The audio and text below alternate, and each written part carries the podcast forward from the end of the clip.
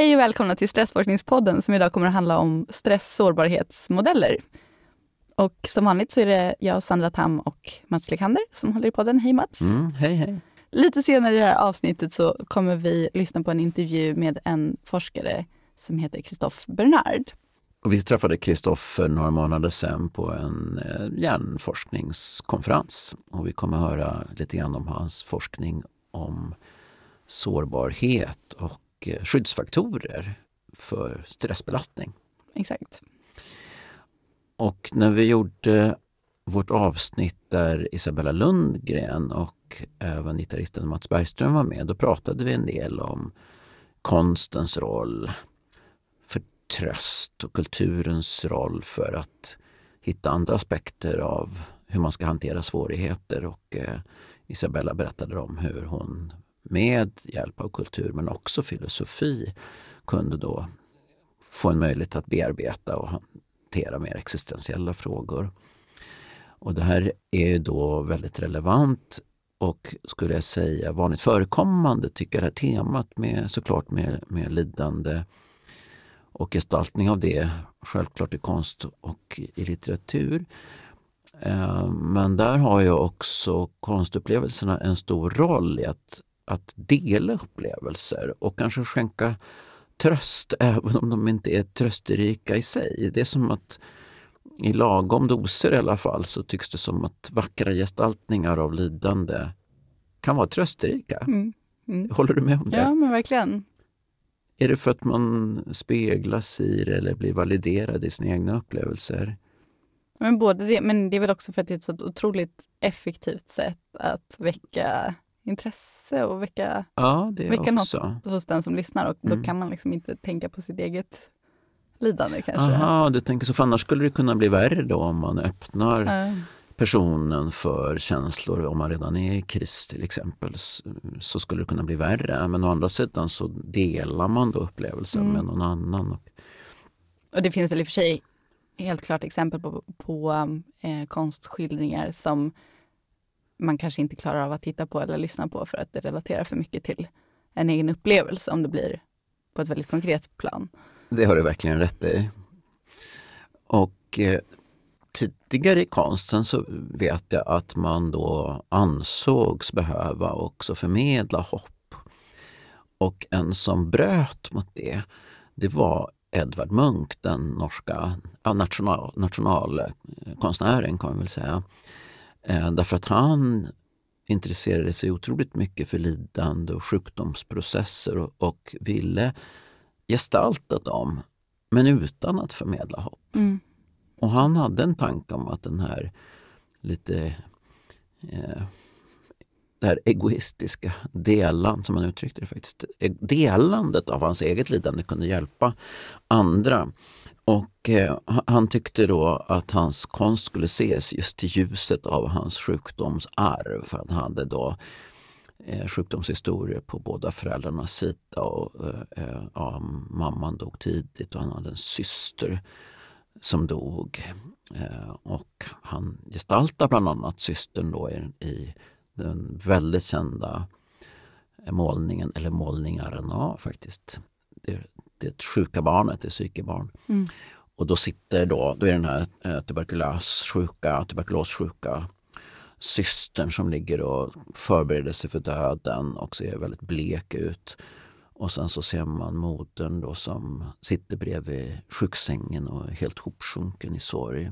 Och det här ansågs då omoraliskt och skandalöst att han, mm. att han gjorde på det där sättet. Men han ville eh, gestalta människor in, Eh, som andas och känner och älskar och lider och lever.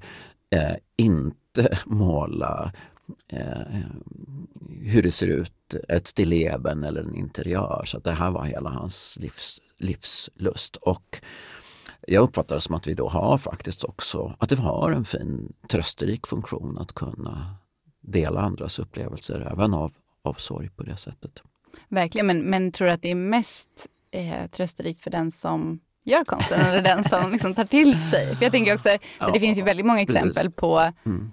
ja, men inte minst i liksom, internets barndom när, när vi alla tonåringar som jag var då var ute och skrev liksom, djup poesi på nätet om hur fruktansvärt allting var. Oj. Det kanske inte var primärt för, liksom, jag vet inte, för läsarna. Utan... Nej, nej, precis, för att uttrycka sig. Men är inte det lite fina? Och jag tänker det, och, och Edward Munch försökte ursäkta sin egoism genom att tänka att det här, att, att visa sitt lidande, det kunde kanske hjälpa andra, hade han en, en idé om eller en mm. förhoppning om. Det, det, det kanske gjort det också, så att det är väl dubbelriktat det där föreställer mig och i, i lagoma doser. Och, och, och man använder ju kultur eh, såklart ofta i, i vårdsammanhang och det finns väl en växande kunskapsbas om vad som faktiskt kan fungera mm. utöver mm. att det är mm. trevligt. Och det, det, är jättebra att det är trevligt. Det, det är en viktig aspekt mm. av, av vård tycker jag, och omsorg. Men man vill gärna också ha stöd för att vi faktiskt inte bara tycker att det låter sympatiskt med att lyssna på Mozart eller någonting annat utan att också, också kan putta till en, en tillfrisknande process eller stärka en, en skyddsfaktor. Och då har man tänkt just på eh, till exempel som konstnärlig begåvning eller att uttrycka sig konstnärligt och som, som en, en skyddsfaktor. Och här då är ju då sårbarhet för olika typer av påfrestningar och eh, skyddsfaktorer som vi ska prata om. Så, mm. så resiliens kallar man ofta de här, den här motståndskraften eh, för. Och det här har då en, en väldigt stark historia i stressforskningen där man ända sedan 1800-talet har tänkt i termer av en stress och sårbarhetsmodell.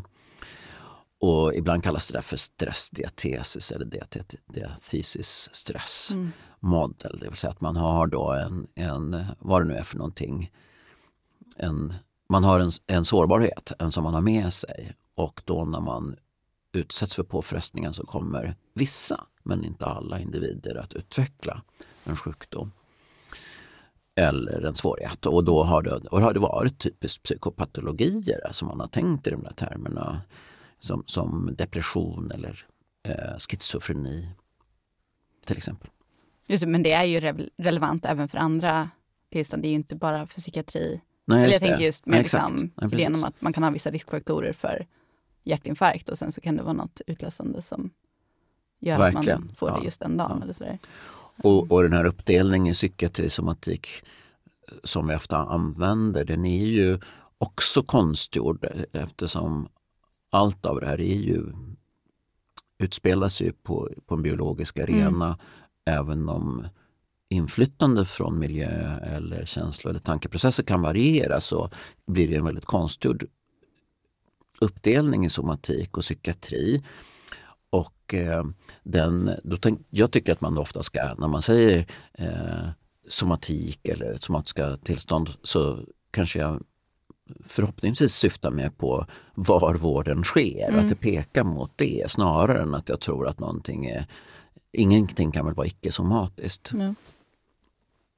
Nej, men och, och eh, om man ska tänka det finns ju större skillnader i just de här aspekterna mellan olika psykiatriska tillstånd, mm. skulle jag säga, än vad det finns mellan vissa psykiatriska tillstånd och vissa somatiska tillstånd. Där det finns en del liksom, psykiatriska tillstånd som har en väldigt stark genetisk aspekt eh, och som är på det sättet väldigt lika det som skulle vara, liksom, inom citationstecken, en, en somatisk sjukdom kanske då. Um, kan, kan, du upprepa, kan du förklara en gång till? Nej, men jag, jag menar att, att det finns ju, liksom, det är ett så stort spektrum inom psykiatrin där vissa sjukdomar har en väldigt hög eh, heritabilitet som vi pratar om. Alltså en, en stor del av variansen förklaras av, av genetik. Eh, som till exempel schizofreni eller autism eller så. Eh, och sen så finns det andra psykiatriska tillstånd som till exempel depression där det är en ganska liten andel som förklaras av genetik. Och på samma sätt så ser det ju ut inom andra medicinska tillstånd också, att det finns eh, medicinska tillstånd som, som i väldigt hög utsträckning förklaras av genetik. Till exempel, man brukar alltid ta upp en neurologisk sjukdom som kallas för Huntingtons mm. sjukdom. Eller så. Där, där har man genen så får man sjukdomen. Och sen så finns det andra tillstånd som till exempel att bryta ett ben som har en ganska liten eh, liksom genetisk aspekt, även om det också ja. spelar in. Ja. Och på det sättet så eh, blir det ju naturligare att, att jämföra eh, tillstånd över eh, specialitetsgränser snarare än, än inom. Ja, verkligen. ur just det här perspektivet. Hur stor är ärvbarheten ungefär för de tillstånd vi kallar för psykiatriska? Jag menar, och det skiljer sig som sagt mycket. Och det är ju Um, och man, de flesta, när man pratar om hårda siffror, var de, från de kommer, så brukar det basera sig på, på tvillingstudier. Alltså att man har tvillingar som antingen helt delar arvsmassa eller de som enäggstvillingar då. Eh, de har exakt likadana gener. Eh, eller de som har olika gener och sen så eh, jämför man tvillingar som har vuxit upp i samma miljö eller i olika miljöer och, och på så sätt kan man räkna ut då hur stor del av, av eh, risken att insjukna i ett visst tillstånd som beror på genetiken för det med något annat. Mm. Eh, och då, sådana här tillstånd som autism, schizofreni, då brukar man prata om någonstans liksom 80 procents eh, heritabilitet. Medan depression då kanske hamnar på 35 procent mm. snarast. Och däremellan ligger i stort sett alla eh, sjukdomar som till exempel bipolär sjukdom, ADHD, har också ganska hög heritabilitet. Eh, Medan till exempel ja, PTSD eller personlighetssyndrom eller tvångssyndrom, de ligger lite lägre. Mm. Eh, så det finns en stor, en stor spridning där. Och då, då betyder det också, antar jag, att eh, de här som har starkare arvbarhetskomponenter varierar mindre i hur vanliga de är i olika kulturer och samhällen? Mm. Ja, så, så bör det ju vara. Eh, å andra sidan så skiljer det sig också väldigt mycket i hur, hur vanliga tillstånden är i sig. Så att man får liksom hålla ordning på den absoluta risken och den relativa risken. Ja. Eh, för att även om liksom ett sånt tillstånd som schizofreni är väldigt mycket mer ovanligt än depression. Eh, så att även om man får en, en dubblering av risken eh, för schizofreni så är det fortfarande en ganska liten absolut skillnad. Um. Jag förstår. Ja. Det blir nästan alltid krångligt när man börjar prata om gen och miljö. Ja, och så får man ju mm. också verkligen hålla ordning på att eh, generna och miljön interagerar med varann. Så att risken i en miljökontext med en viss uppsättning gener är inte nödvändigtvis samma som i en annan miljökontext. Precis. Eh, och sen så finns det också liksom en, en, geografisk spridning där olika genvarianter är mer eller mindre vanliga, så det är ju super, superkomplext att hålla ordning på. Och bara för att tillägga också, det finns ju vissa tillstånd som, menar, om vi pratar till exempel PTSD, där eh, man, kan man ha en genetisk sårbarhet, men man kommer ju aldrig få en PTSD om man inte utsätts för ett trauma, för det ingår ju liksom i, mm. i kraven. Så att, um, och det är ett ganska specifikt tillstånd då. Så att, det finns ju en, en um, en, en stor variation av alla möjliga aspekter. Där. Ja.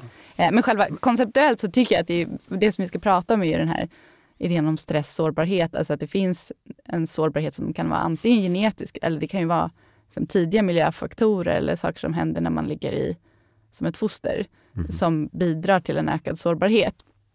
Och sen så eh, kommer det en eller flera stressorer som, som kan utlösa någonting. Och det är ju ett, ett eh, konceptuellt så är det relevant, tänker jag, för, för väldigt mycket som vi håller på med.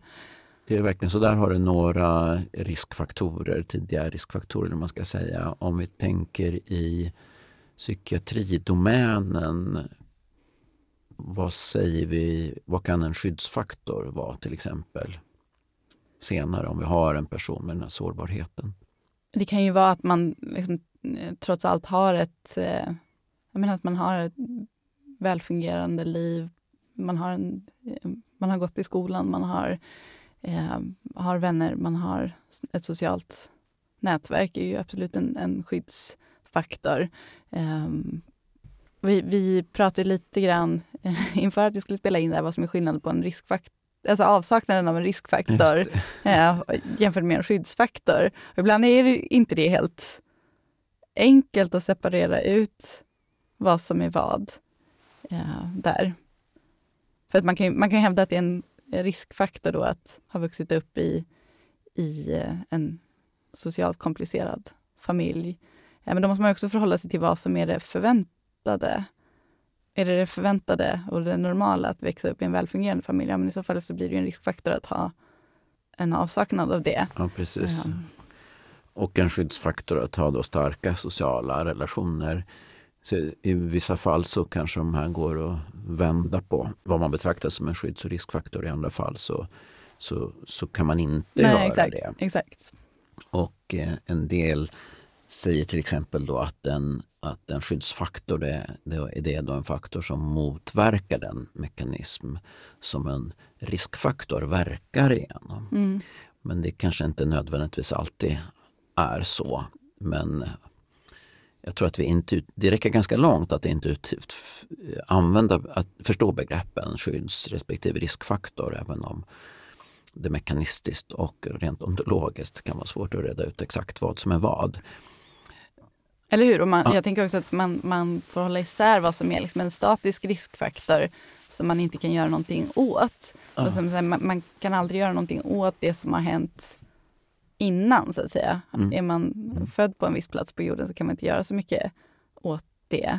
Eh, medans eh, saker som huruvida man får en, skaffar sig en utbildning eller huruvida man eh, liksom saker som händer i, i livet, Precis. oavsett om det är man själv som kan påverka eller någon annan som kan påverka, där finns det ju de kan ju förändras över tid, eller huruvida man har ett missbruk eller inte. Eh, man kan ju aldrig förändra huruvida man har haft ett missbruk. Men det kan ju ändras på sikt huruvida man har ett pågående eller inte. Så att liksom, Här talar vi multifaktoriellt. verkligen så. Och då tänker jag två saker samtidigt. Det ena är usch vad krångligt. Och det andra är hurra vad utmanande. Eller hur? Man kan verkligen se det på olika sätt. Eller hur? Och Men- jag menar, en sak som blir väldigt konkret för, för mitt perspektiv är att vi gör ju hela tiden suicidriskbedömningar till exempel Mm. kring våra patienter. Hur stor är risken att den här personen kommer försöka ta sitt liv? Eh, och då finns det en massa riskfaktorer som är kända sedan tidigare. Har man någonsin försökt att ta sitt liv så är det en stark riskfaktor för att man kommer försöka igen. Och den kan vi aldrig någonsin ändra på. Men om personen framför mig just nu har blivit mycket bättre i sin depression och, och mår bra, då är ju det, talar ju det för en mindre risk just nu. Ja, så där, där blir det otroligt konkret. Ja. Och, och många skydds och riskfaktorer är modifierbara. Mm. Så att identifiera, om vi kan förstå vilka som är sårbara och sen förstå hur vi kan ändra till exempel beteende eller det skulle kunna vara kost också för den delen. Så kan vi kanske hjälpa personer då som har den här ökade risken att utveckla någon, nå- någon form av, av psykopatologi eller, eller negativt tillstånd. Verkligen. Men en person som väldigt konkret har studerat mekanismer eh, för risken att utveckla olika tillstånd och gjort det i en djurmodell, det är då Christophe Bernard. Så jag tänker att vi lyssnar nu på intervjun med honom. Welcome to the Stress Research Podcast, uh, Christophe Bernard. Uh, would you like to start by introducing yourself? So I'm director of research at uh, INSERM. INSERM is the uh, French NIH, and I'm managing a team. Um, and my main interest is uh, epilepsy, but also the risk factors associated to epilepsy, including stress. very interesting and, and thank you for uh, like uh, taking the time to, to answer some questions. So uh, we think this, this is the first interview in the podcast where we talk about animal research. So would you like to just start with telling what kind of animals do you use for your research? So we are using mostly rodents, uh, and in particular rats. And uh, in fact, they are uh, experiments that we can do uh, in rodents that we cannot perform for obvious ethical reasons uh, in humans. So in that sense, uh, some mechanistic insight can be obtained uh, with animal research, which is absolutely necessary in that case. And the project, in fact, was triggered by a clinician in my team. And he asked me a very simple question. He said, Well, I would like you to find a solution to help some of my patients. We realized that uh, some patients with epilepsy started their epilepsy following a very stressful event. And the question is why some individuals develop epilepsy after a stressful event in their life and not others who may have had the same episode or even the stronger stress but did not develop epilepsy. And the question was to try to identify why some individuals develop epi- epilepsy after stress and not others. And this we can do in animals. And how did you then try to answer this question with animals? So, first, we had to find a way to produce different types of animals. What we use is called uh, social defeat. And social defeat is like uh, for humans when uh, you are uh, in a social environment and you uh, are subject to a defeat, something that is highly stressful for the uh, individual. We can do exactly the same thing uh, in rats by exposing a naive individual to a dominant male. And it's really similar to what happens in real life uh, uh, with humans. So this is highly stressful for the animal. And all animals during the acute phase, so just after exposure to this very intense stress, they develop something that we call depression depression like phenotype. So many factors associated to depression in humans we can find uh, in these animals. But the animals recover after some time. And what we discovered is that 50% roughly of the animals fully recover to pre stress levels, but not 50, the other 50%. What distinguishes the other population is a low level of a protein in their blood. This protein is called BDNF. Anyway, what does it mean? It means that the rats which do not recover, they are now vulnerable to depression or any other insult. In fact, they just need a small kick and they will develop a pathology. The animals which recovered, you give them the same kick and they do not develop a pathology. And this is exactly the question that was asked by the clinician why some patients develop a pathology and not others when they have exactly the same type of stressful event.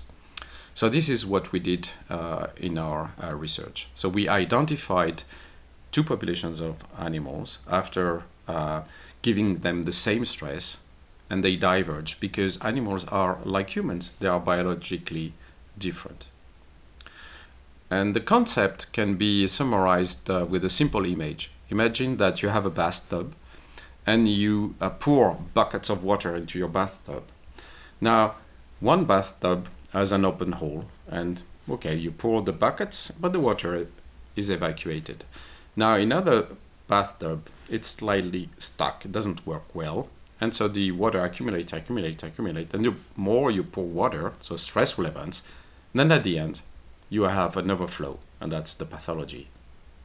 And this is what how we explain what is happening. During our lives, humans, we are exposed to a lot of stressful events. Some recover from these stressful events, and they are non-vulnerable population. Others, this stress accumulates like the water in the bathtub until you reach a threshold and there is an overflow, and then the pathology ap- appears. So this is summarizing what we are doing, trying to identify uh, these populations. Why are the animals so different or in different groups when they are genetically identical? Because they are, aren't they? This is a misconception uh, for many researchers. Uh, we used inbred animals in very standardized uh, animal facilities where everything should be the same. But animals are like humans, they are highly diverse. And when you talk to clinicians, the worst model of a patient is another patient with the same pathology because you cannot generalize, at least for epilepsy, what you see in one patient to another patient. It's difficult. Every individual is an individual. And in animal research, we think that it's one category. But many researchers have realized that they are not identical.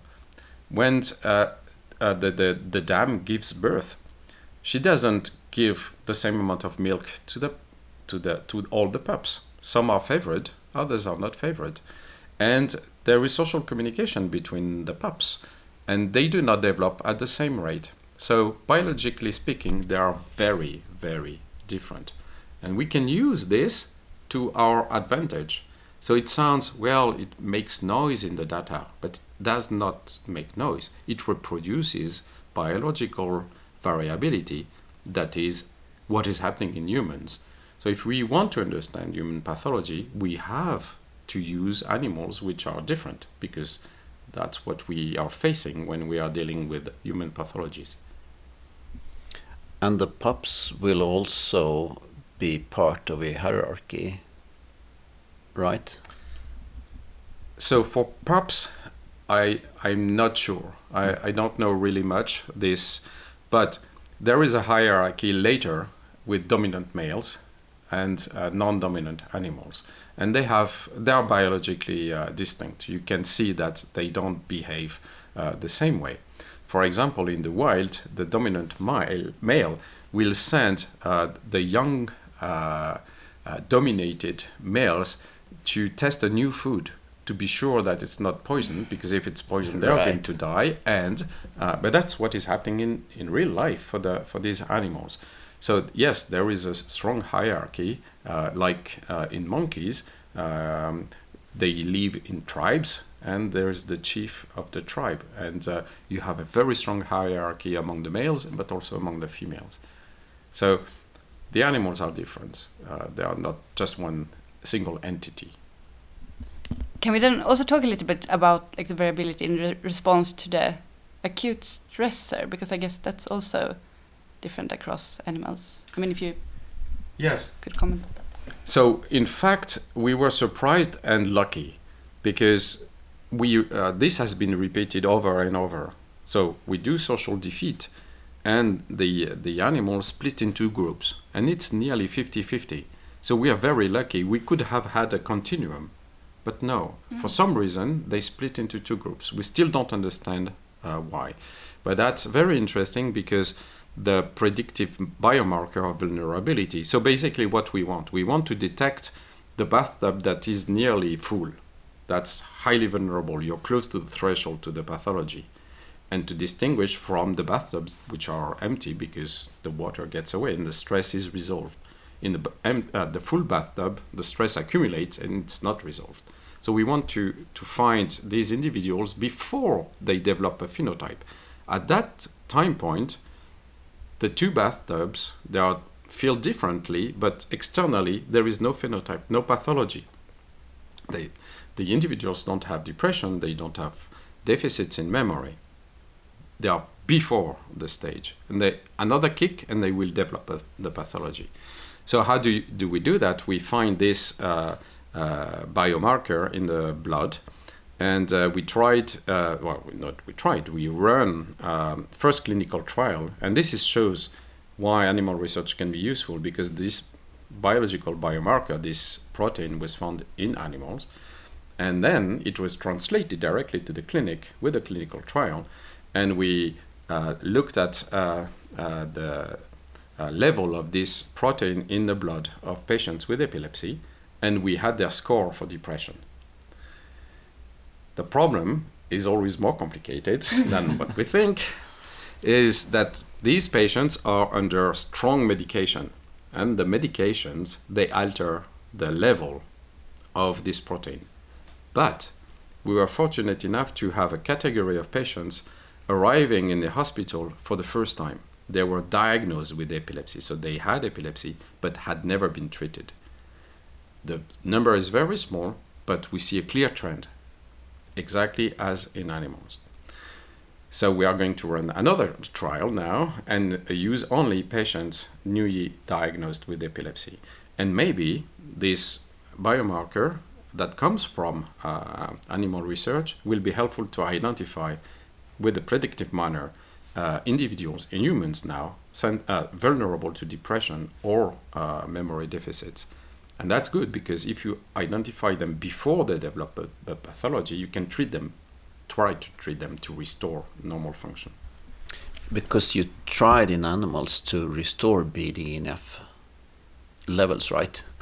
So th- this is uh, extremely complicated because BDNF has many functions. So we went downstream of the effect of BDNF, and if we go downstream, yes, we transform a vulnerable animal into a non-vulnerable animal.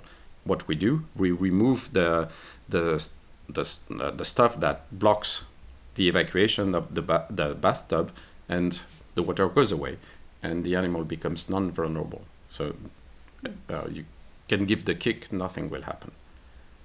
And it's um, a drug that is being tested in the U.S. Uh, in phase three clinic.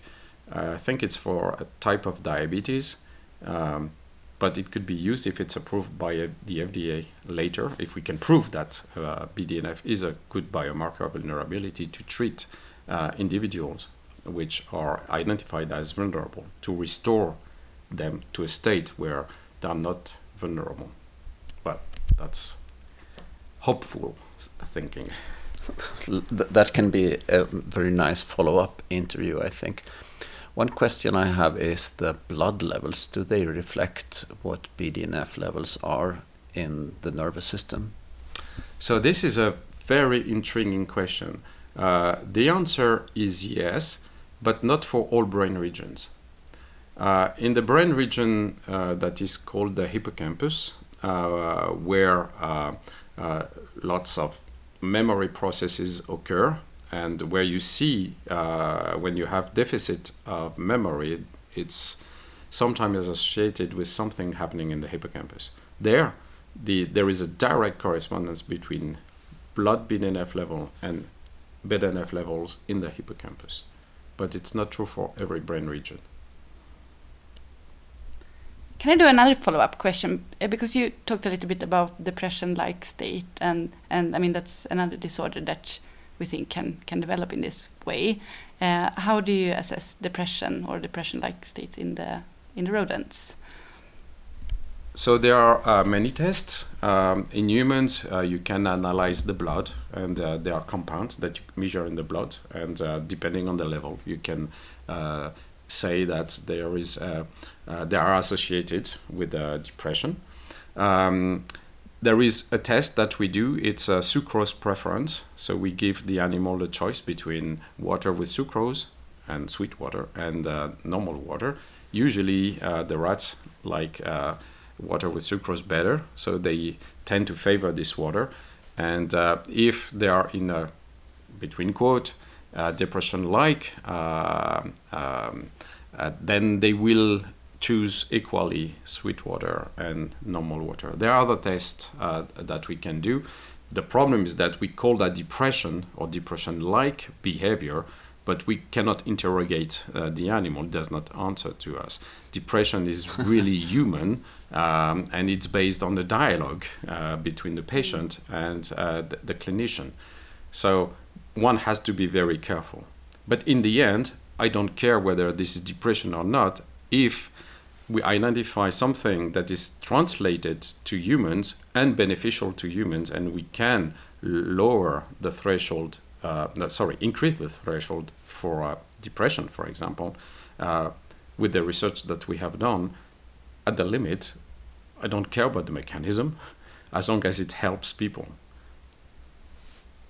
Yeah, I mean, my, my clinical perspective on this. Can, can you think? I mean, because we've been talking about vulnerability and also variability in in uh, different ways. But like, for example, with depression, the more severe the depression gets, the more similar are the patients in a way. So like, if you get to a really really severe depression with catatonia or with psychosis, those patients aren't like that heterogeneous in a way because like the, they're very much the same. Do you see the same kind of effect in in animals as well?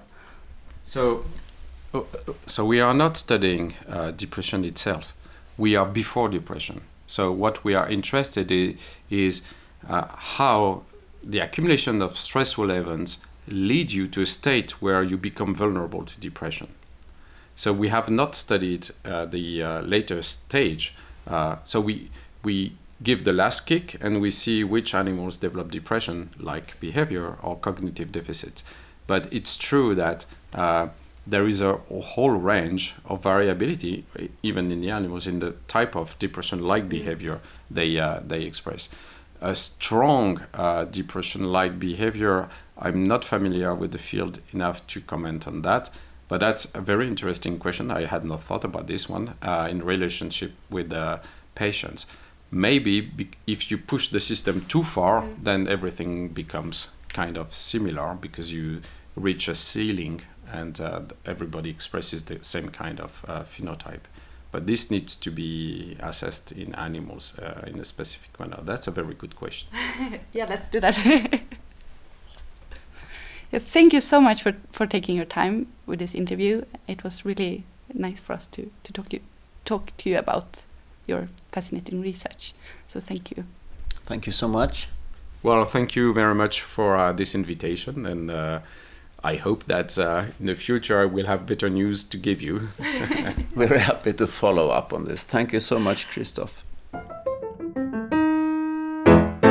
Det där tycker jag är väldigt intressant forskning för den är ganska konkret och samtidigt så angriper den ett problem som är ofta svårt att hitta konkreta ingångar i. Mm. Dels att det är en sån här double hit-modell som är som jag tycker börjar bli vanligare, att man tittar på olika typer av, av eh, exponeringar där man inte bara har en enstaka isolerad exponering Mm. utan man tittar på hur man kan förändra sårbarheten just och sen se vad som händer med till exempel en inflammationsaktivering längre fram. Vad säger du om de här? Har du någon komment- första kommentar till, till experimenten och fynden? Ja, Men jag, jag håller med om den där aspekten att det är intressant att man försöker ta ett konkret exempel och testa det kontrollerat i viss mån. Men eh, jag får ju erkänna att jag, jag har ju lite svårt för djurmodeller överlag. Ja, jag tycker ja. att det är både eh, jag menar, dels finns det alla etiska aspekter, men dels också vad man faktiskt får ut av dem. Jag tycker att Kristoffer har en ganska nyanserad syn på liksom, vad, vad det är han mäter och eh, som hans kommentar om att, eh, han egentligen, alltså, att det egentligen inte spelar någon roll om det är depression eller någonting annat. Att det är på något sätt eh, på ett konceptuellt plan som man är intresserad av. Men överlag så, så blir jag alltid lite skeptisk när det handlar om djurförsök i relation till inte minst psykiatriska tillstånd. För det vi menar, eh, liksom de tillstånd som vi jobbar med när det handlar om människor, det är ändå krävs liksom mer avancerade kognitiva funktioner än vad vi tror att de här djuren besitter. Eh, och därför så är det ju ändå begränsat vilka slutsatser man kan dra från djurförsök som går att applicera på människor. Mm. Och då ska vi notera att artikeln heter då Vulnerability to Depression, kolon, from brain neuroplasticity to identification of biomarkers. Och jag, jag tycker det här är väldigt bra forskning, det ska jag säga på en gång. Men jag tycker samtidigt att det är lite att översälja det lite grann, att kalla det, att Mm. inleda med ordet depression. Mm. Därför att de här modellerna just kan kritiseras på, på de grunder som du nämner. Medan den poängen som Kristoff gör när det här kommer upp är ju att det kan vara att det är känsliga för olika typer av beteendeförändringar som tycks vara negativa Mm. som man ser genom att eh, utsätta djuren då för den här sociala eh, social defeat, jag vet inte vad du skulle kalla det på svenska. kanske finns en svensk term för. Men i alla fall att de utsatts för en social stressor som man tidigare har sett ger, ger mätbara effekter Mm. i till exempel i, hjärnan, i vissa delar av hjärnan som hippocampus till exempel. Nybildning av celler och inte minst kontakter mellan celler som kan minska i vissa områden och öka faktiskt i andra områden. Men man har den där modellen och sen tycks de delas upp i två grupper där man inte riktigt ser skillnad på beteende eller på andra nivåer. Men den sårbara gruppen för en ytterligare belastning den har då lägre nivåer av en nervtillväxtfaktor Mm. som är, är viktig, eh, inte minst i, i hippocampus som, som både sysslar med stressreglering och eh, minnesfunktioner och så vidare. Och bara för att klargöra, det är den här BDNF som han pratar om. BDNF, ja, Brain Derived Neurotrophic Factor. Exakt. Eh, och som man har intresserat sig för i många sammanhang förstås. Och i, i, bland annat i relation till, till depression och Mm. till eh, Eh, effekter av trauma och så vidare.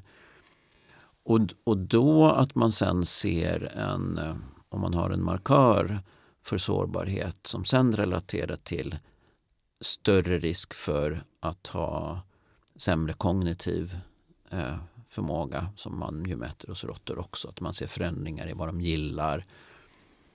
Och också, som jag är inte säker på att han tar upp här riktigt, men också risken att ha motsvarande förändringar när man i en epilepsimodell så ser man de här beteendeförändringarna när man utlöser ett epileptiskt tillstånd hos djuren så mm. ser, man, ser de samma effekter där. Och man kan i viss mån manipulera det här ämnet BDNF och påverka sårbarheten. Så det, det är, vad ska vi säga, överraskande. Jag väljer att inte säga misstänkt. För det, det, det menar jag inte riktigt heller. Jag bara är, det är nästan överraskande att det, att det är så tydligt kopplat till mm. den här, det här proteinet som då dessutom råkar vara mätbart i blodet på ett mm. sätt som säger någonting om, om vad det är hippocampus. Mm.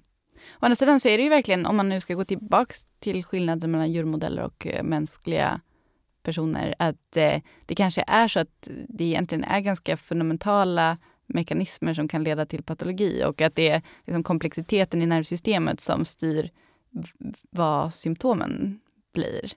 Bra uh, perspektiv, ja. För en, en, epilepsi är ju på något sätt, nu pratar jag ur en psykiatrikers perspektiv, men det är ju lite enklare på något vis än, än många psykiatriska tillstånd. Mm. I hur den, både hur den manifesterar sig men också vad som är på något sätt liksom, nivån av, av nervsystem som krävs för att man ska kunna ha en epilepsiattack. Mm.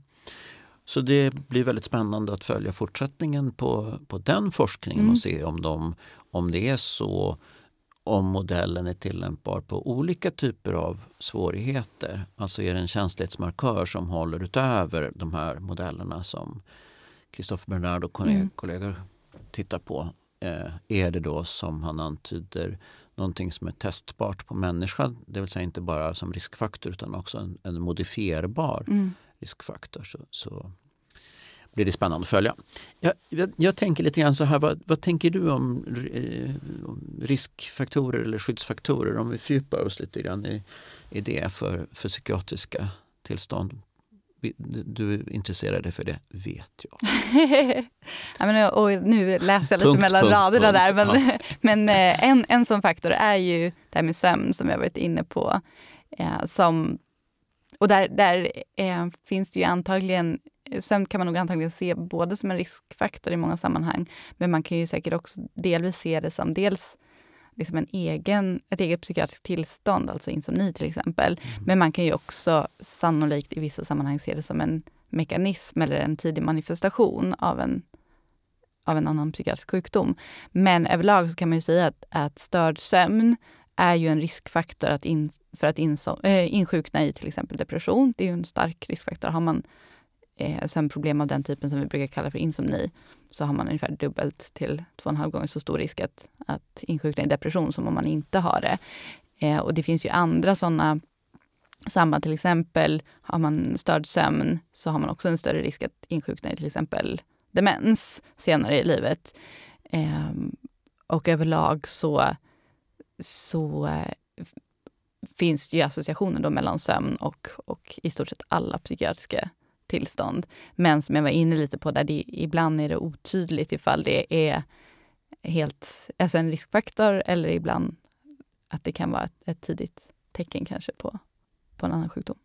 Tror du på det här vi ofta säger att människan har en stor motståndskraft mot stressande händelser så länge vi får adekvat återhämtning? I, I viss mån är det nog så. Eh, men jag tror inte man ska, man ska nog inte det, det, blir på något sätt också en ganska förenklad bild om man tänker att, att allting ordnar sig bara man får återhämta sig. Liksom det, nu, nu kan inte jag på rak arm referera till några data, men det skulle också kännas väldigt orimligt i relation till, till många patienter som man träffar, som då kanske liksom faktiskt har haft en ganska välfungerande sömn och fått återhämtning, men som trots det insjuknar i, i allvarliga tillstånd. Då, Precis. Det måste ju liksom finnas. God sömn kan knappast vara en bra medicin mot eh, problem på arbetet Nej. eller en felaktig organisation eller andra faktorer som vi ändå räknar till stress. Exakt. Så, så att den där talesättet ska man, ligger det nog någonting i skulle jag nog ändå gissa men, men eh, det bör, behöver specificeras tror Ja, jag, i, i väldigt många fall. verkligen. Och i, i många fall vet vi inte riktigt heller vad, vad återhämtning är. Men Sandra, jag tänker så här, har du något exempel på hur sömn kan hjälpa eller stjälpa? Jag tänker på din kliniska erfarenhet, god eller dålig sömn. Berätta om någon erfarenhet om du drar dig någon till minnes. Ja, men absolut. Alltså, ehm, det är ju helt klart så att det dyker upp till exempel patienter med bipolär sjukdom som insjuknar i manier efter att de har rest flera tidszoner eh, och då fått Mm. en kort sömn. Och Mm. det, Mm. Där blir det väldigt tydligt att det är en utlösande faktor. Mhm. Eh, för man kan ju också igen då tänka att, att den korta sömnen är ett symptom på att man är på väg i sin, in i sin mani. Men att när man reser då så är det liksom i viss mån yttre omständigheter som, som gör den korta sömnen och sen blir man sjuk. Ehm, så det är väl en sån. Den an, det andra perspektivet är ju såklart när man behandlar problemet, att man då också får positiva effekter på den andra problematiken. Och det är ju framför allt visat eh, vid kanske då mer liksom, milda till måttliga depressioner, att, att det kan vara mer gynnsamt att börja, om man har både depression och, och eh, samtidig insomni, då, alltså samtidiga, samtidiga sömnproblem, att man i hög utsträckning kanske ska börja med- att behandla sömnproblemen för att det ger lika bra effekt på depressionen som, som en traditionell depressionsbehandling eh, och att man dessutom får positiva effekter på, på sömnen. Eh, så det är väl de två allra mest typiska där skulle jag säga. Om vi tänker på fysisk aktivitet så är det också en... Jag tror att gå högre, vad ska vi kalla det för, ökad om man har otillräcklig fysisk aktivitet så tycks ju det hjälpa oss hälsomässigt för, för både de tillstånd som vi brukar hänvisa Mm. till somatiken och som Mm. vi brukar hänvisa till inom den psykiatriska domänen. Där har ni också behandlingar vet jag på Mm. psykiatri sydväst. Exakt. Jo men precis. Ser du, ser du effekter på patienter där som du tycker att du kan hänvisa till? Jo, det, jag tycker det är ju svårt att eh, hålla isär vad som är vad. För att det eh, å ena sidan absolut är väl den kliniska känslan att patienter som, som ägnar sig åt fysisk aktivitet blir bättre. Men å andra sidan så är det ju också ett tecken på att man är bättre, att man börjar kunna gå på den fysiska aktiviteten. Så det är ju därför det är bra att det nu görs bra studier på det. För jag tror att man eh, som med många riskfaktorer, att det finns en risk att man, man ser statistiskt att det finns en positiv effekt av ett beteende. Eh, och då utgår man från att olika typer av rekommendationer kring det beteendet ger positiva effekter. Som till exempel var ganska nyligen en diskussion i Läkartidningen var det väl kring så här, huruvida sån här fysisk aktivitet på recept har bra evidens eller inte. Och vi vet ju absolut att den fysiska aktiviteten i sig är bra. Men det behöver inte nödvändigtvis betyda samma sak som att, att skriva ett recept på fysisk aktivitet ger en positiv hälsoeffekt. För att det som har betydelse är ju huruvida personen eh, faktiskt ägnar sig åt den fysiska aktiviteten eller inte. Eh, och, och det tycker jag är, det är en ganska central eh, aspekt i det här. Det är det verkligen och jag jämför med information som har givits till ungdomar om riskerna med alkohol Mm. och narkotika och, och som inte nödvändigtvis ger så stora effekter. Verkligen. Medan man till exempel då har provat vet jag att eh, för att få minska narkotikaanvändning så påminner man om samhälleliga och andra sociala konsekvenser om att man stödjer kriminella nätverk Mm. med narkotikaanvändning, eh, eh, kanske våldsutövande, terrorism och andra saker Mm. som är förknippade med och, och stor dödlighet bland, bland eh, personer då i länder där narkotikan tas fram Mm. eller odlas om det är sådan. Så det är liksom en annan infallsvinkel. Verkligen. Och narkotika är ju för övrigt också en sån eh, det är också intressant ur det här stresssårbarhetsperspektivet. För i, vid det här laget så, så finns det väl väldigt mycket som talar för att om man har en sårbarhet för psykossjukdom och på det använder eh, droger så har man det kan liksom vara den där sista Mm. triggern. Mm. Eh, men där har det ju varit en, en diskussion under väldigt lång tid.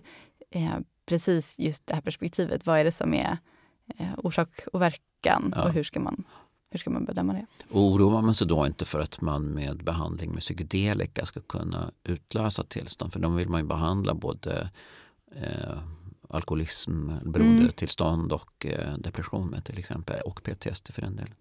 Jo, en sån diskussion finns ju. Det- Å andra sidan så är ju psykedelika eh, inte de narkotikapreparat som man i första hand har sett riskerna för just schizofreni Nähä, med. Utan eh, den stora diskussionen där har ju handlat om, om cannabis.